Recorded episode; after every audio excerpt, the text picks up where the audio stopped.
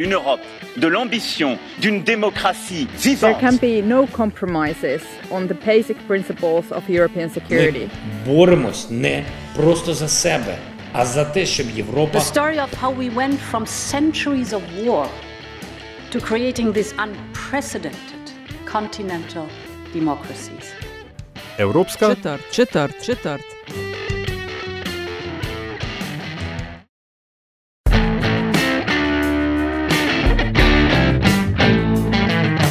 You are listening to a podcast on all things European, a podcast we call European Quarter and is part of Metas List Media Network based in Slovenia. My name is Nataša Briški and I am one half of the podcast team. And my name is Aljaž Pengov Bitenc and I comprise the other half of the team. You'll find the podcast at metinalista.si as well as your at your favorite podcast streaming service or of course podcast streaming application. And um, we are having and recording another episode. Uh, There is so much going on here at Bled. Um, of course, accompanied with lovely weather. Previous seasons it was a bit different and it shows, uh, but nevertheless, the panels are uh, well visited and uh, interesting people are sharing their perspective on the challenges that we face from the climate change uh, to the security to the role of uh, young people the president's panel today uh, what did you notice what else Uh, well, at, on- on one hand, there seems to be a bit of maybe it's the weather, but seems to be a bit of dejection, as in you know things are. The more things change, the more they stay the same. But the other hand, there's some optimism, this inherent optimism that uh, sooner or later things will get better because they have to get better. And um, amazingly, unless we don't transform yes, correct.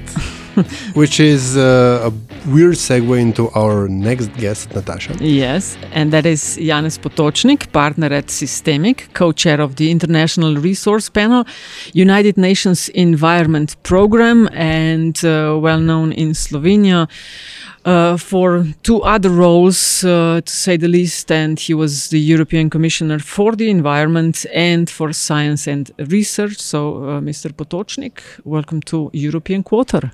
Thanks a lot. It's a great pleasure to be with both of you. Dr. Potočnik, even before you became European Commissioner, you were literally the embodiment of Slovenia's aspiration of joining the European Union. You were, in a, being a, a bit dramatic, you were the embodiment of the transformation of the country. And it was in the leaders panel at the beginning of, uh, of the this year's event that Albanian President Edi Rama said that joining the process of joining the European Union is not so much ticking the boxes, but transforming the country and the society. In your personal experience and professional experience, would you agree with that? Of course. No, he is entirely right. And I, I was listening to him, and uh, I think it was a great contribution. Uh, one has to understand that uh, it's not really negotiations, it's actually how you join to somebody who has lengthy negotiated to agree among the countries their own rules. And uh, you actually have to transform your own country in a way that it's fitting to those rules, which are uh, which were developed by uh, by democratic, uh, advanced uh, countries where the rule of law is very much present, and that's why, all in all, I have always seen that as a good process for Slovenia. And uh, but what we have also learned in this uh, enlargement, uh, which we were the the great enlargement we were part of, that. That joining European Union doesn't automatically mean that your country will become more democratic everything. So the history matters. It's and sometimes it really goes slowly and it takes generations uh, because uh, some things are simply rooted in the in in the system are rooted in relations among people and uh, those things don't change quickly. So both things are important i think to understand. But uh, all in all i think that joining european union was one of the best things which we have done hmm Um, you were part of the panel where you keynoted the um, transformation as an opportunity. Listening to some opportunity sounds very optimistic. Listening to some, um, they sound like it's a baggage. Like, Yeah. why don't you let us stay uh, things the same as we uh, were used to? In your line of work, you meet a lot of people from different fields of knowledge, different different industries. This was the panel where you sat down with the businessmen Yeah. meeting them around the world, um, you hear them talk about the transformation, not necessarily knowing what it brings. But um, if you talk a bit about them, what do you get? What responses do you get from them as to how willing they are to change? Uh, What are they willing to do? Yeah, they are willing to change to a certain extent. So, uh, you know, basically in transformation there are two uh, ways waves of thinking. One is technological transformation can do the trick, and the other is no, it's not enough. It's important, but you need also behavioral uh, transformation. I'm of course belonging to the second one. So I believe that both it's needed and possible because simply the system which we have created. Uh, also with good and very much needed technological uh, solutions uh, will simply not suffice. And we see it uh, basically all across the field also in climate change negotiations if you want that we are more or less focusing on the supply side cleaning the supply side while uh, so some years ago some decades ago if i simplify a bit uh, a lot of the dirty industry was shifted to the global south. And now through the climate talks we ask everybody to clean up the production side and uh, we don't sincerely ask who is actually surpassing planetary boundaries and who is actually over consuming and uh, there is no real uh, no real targets or, or no real streams but loss and damage is the result then in the talks and loss and damage is just financial transfer. So through the loss and damage you actually keep the the wrong economic developments and and this behavioral question on the table and you try to save it through technological solutions.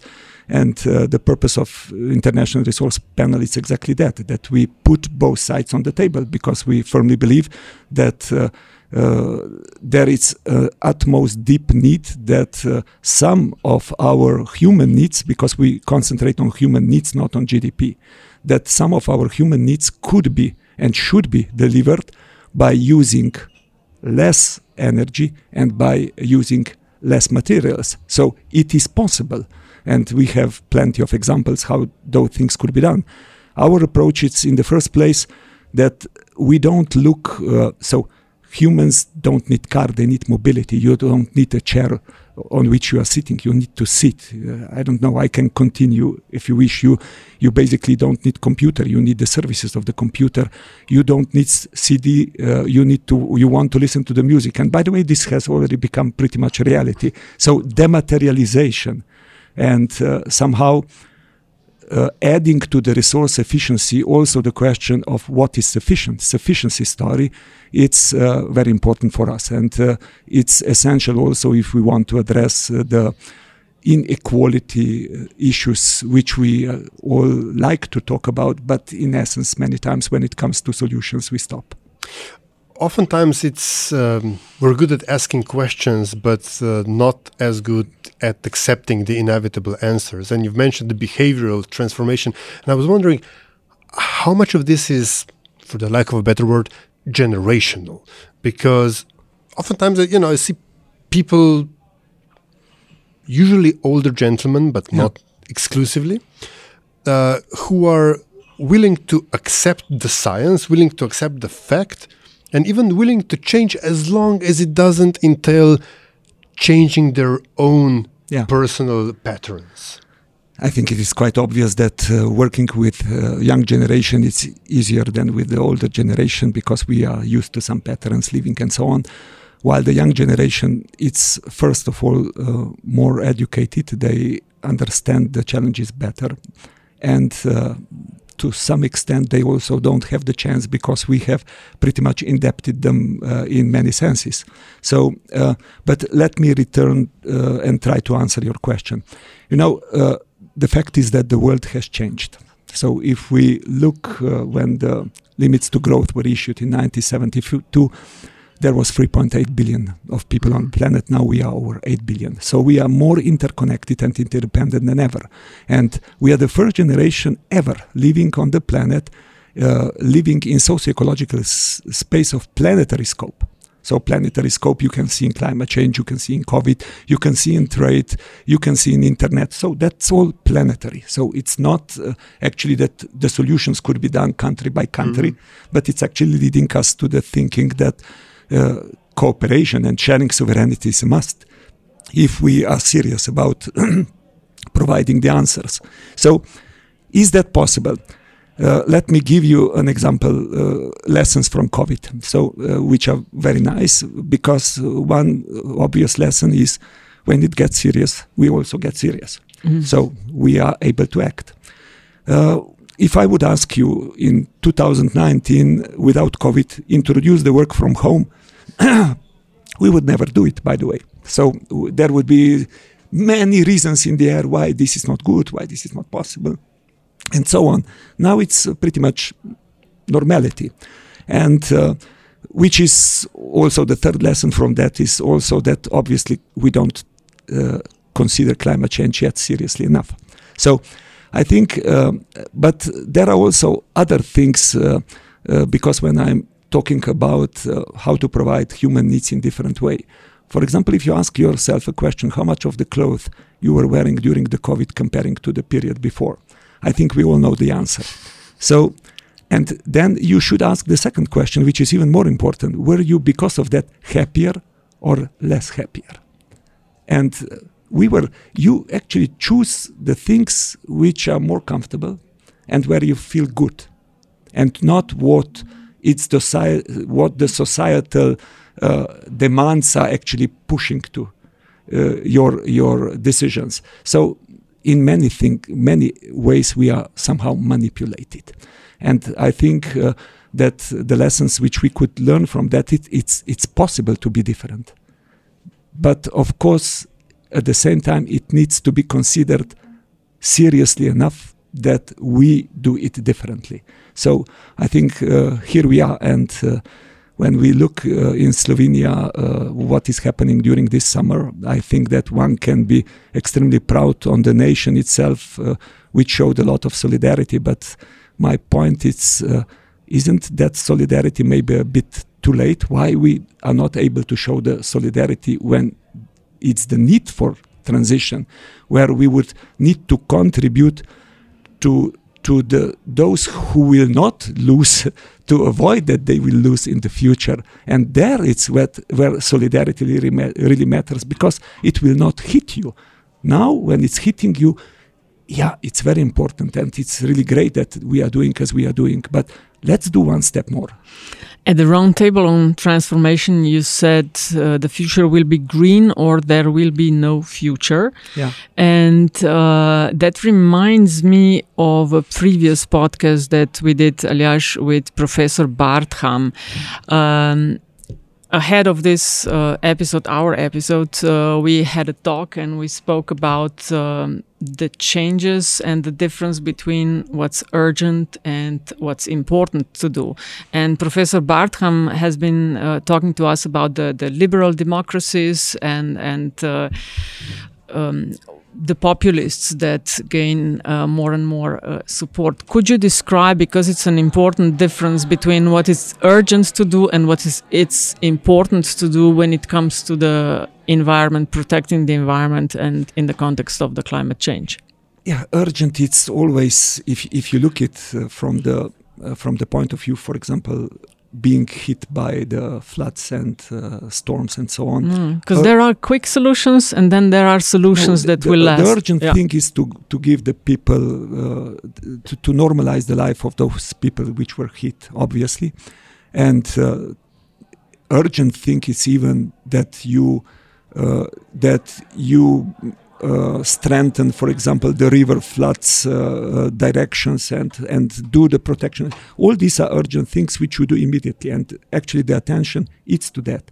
What is for me important is that we start to understand that we need to collectively fight for this solidarity in advance and prepare ourselves to fight climate change actually to find the re- to fight the reason which is leading to those events and these are the things which somehow slip from the table when you need to deal with the urgent things and uh, at the end slip that slipping from the table it just leads to much more Yeah, because the, the, the amount of urgent things it's it's it's increasing so because the results can be shown the next day or Yes. ahead of the election Yes, cycle. yeah. Which again brings us to the uncomfortable answers that uh, many of us are not capable of internalizing. So, how to deal with that? Because it, it, it seems that you know that is the crux of the matter. Yeah. How do we make ourselves understand that there are no quick and easy solutions. It's it's like that internet meme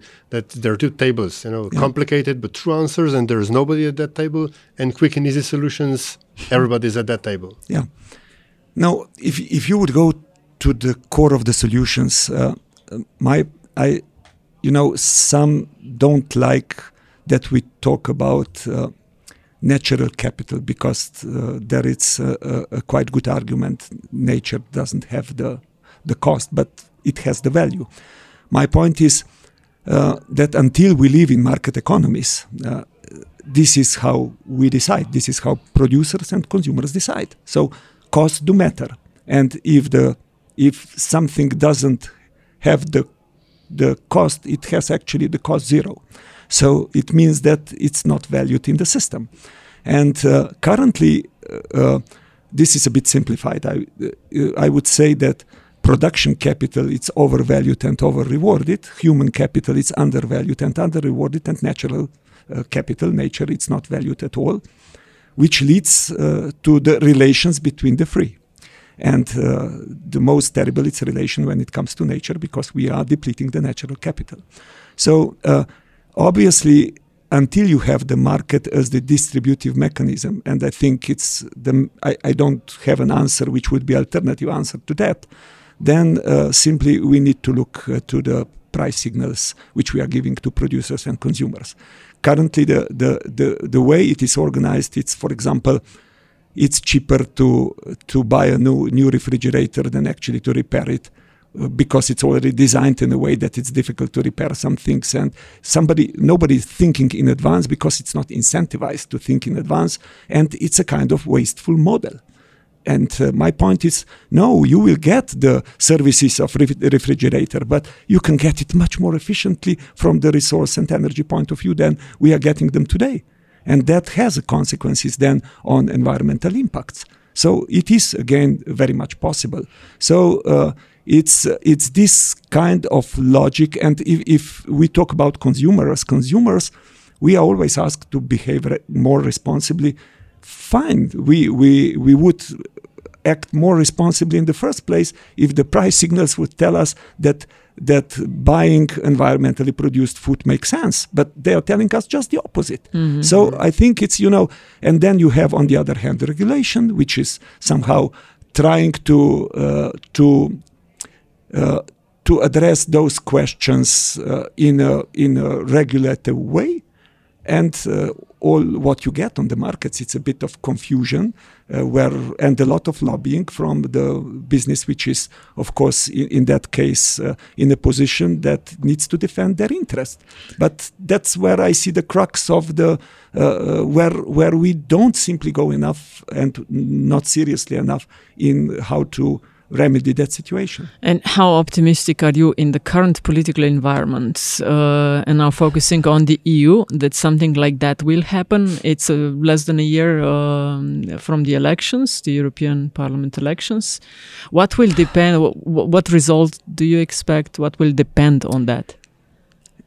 I I would instead of answering what result I expect, I would rather say what can we do that the result would be the right one, because it's actually not yet the elections are on the table. We can still do quite a lot that we would get the right result. So my my point would be that by the way, European Green Deal was quite a brave and ambitious move, and uh, we need to keep that direction. That's for me obvious. And my point would be because uh, this terrible aggression happened in the meantime in Ukraine, my point would be that, that it's really important that we start to understand that this environmental, social transformational story, it's not only about environment. So access and use of natural resources were always the base of the level of well-being of nations. That's why all this colonialism of nature happened in the history. Access to water, access to land, access to gas, oil, access to precious, to gold, to precious materials, and so on. That was always the reasons, and but they were also the reasons of the war, conflicts, migration. So we basically need to understand if we will not go that way, which we call it environmentally related transformation, this is serious. This will seriously uh, uh, challenge the geostrategical relations, and might lead, if we will not deal with those questions carefully, it might lead to migration, to conflicts, to hunger, all those things which we would like to avoid. So it's uh, that story needs to be looked in a holistic and and way, which is then uh, which which is for me the only way how you actually marry the uh, uh, the interests of those who see uh, who see uh, the the how to protect Europe's sovereignty and so on, and how to actually address the consequences of the war happening in Ukraine with the European Green Deal optic. Mm. Because it is not a story which is not interconnected. At the end, we have seen that due to that aggression, Europe was facing uh, shortages of gas, shortages of oil, shortages of grain, and so on. And these are the questions which then s- suddenly start to be connected and look connected. So, for next elections, I think it's really important that we put this kind of broader story on the table and that we do everything to keep the direction which European Green Deal started. At the end of the day, uh, Europe is most advanced in those kind of thinking, and uh, uh, at, at least it's one area where we keep the leadership quite clearly, and I think it would be major stupidity if we would lose it. And just to wrap it up, uh, could it be, and I'm just thinking out loud here, that um, with all the challenges that you've mentioned, migration, uh, Yeah. um, um, resource scarcity, etc., it seems to me that we're already here to an extent, and th- th- Yeah. this is not a projection. It, it's it's uh, and could it be that it will be the circumstances rather than any particular vision Yeah. that will force us, that will force Europe to adapt? Of course, but my The- I I mean, the, the, the question is Does, in your opinion, Europe have the mechanisms apart from the, uh, the Green Deal to make, to, to transform, well, to, Yeah. to bring it? You know, it's difficult to say apart from the Green Deal because if you understand the Green Deal uh, practically holistically, it's covering everything. I, I- I mean, I, I was thinking more in terms of institution and in terms of democratic tools and etc. Sure. Uh, I think we could uh, go back to the beginning of our debate because uh, uh, until we see the things seriously enough, we don't move. That's clear. But uh, on the other hand, I think it's very important because this is quite, uh, I would say, it might lead somebody to to pessimism and not being active but it's it's the contrary you know i i've been a long time in political life and uh, uh, of course you get frustrated when some things do not move which you see so common sense that this would need to happen. But uh, one lesson which you learn it's it's really important to repeat repeat repeat repeat and when you are fed up of yourself repeat it again.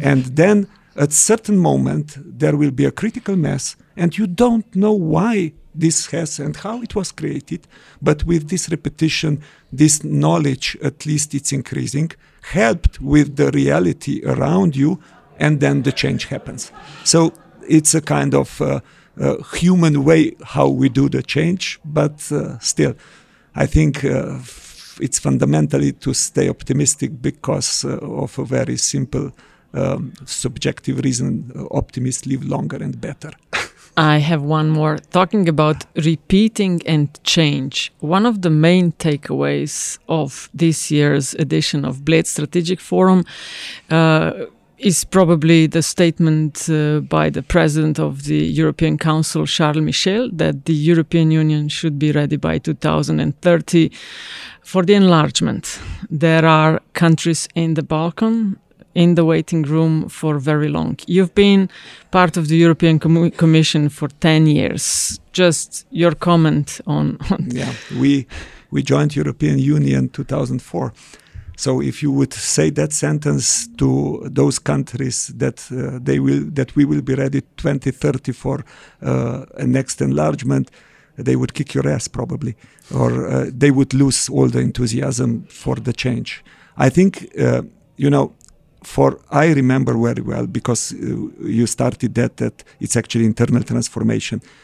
If you lose the fuel for that internal transformation, then uh, then you lose it and then suddenly things start to happen which which has nothing to do and and actually actually you you start to uh, you don't have in- incentive and you start to act in a way that it's actually uh, pushing you longer from the European Union, and it's a vicious circle. So I think there needs to be some uh, geostrategical political courage that we that we start really uh, moving in the direction which was promised long years ago because it is more than obvious that those countries are part of European Union. It's a whole in European Union ge- geographically now.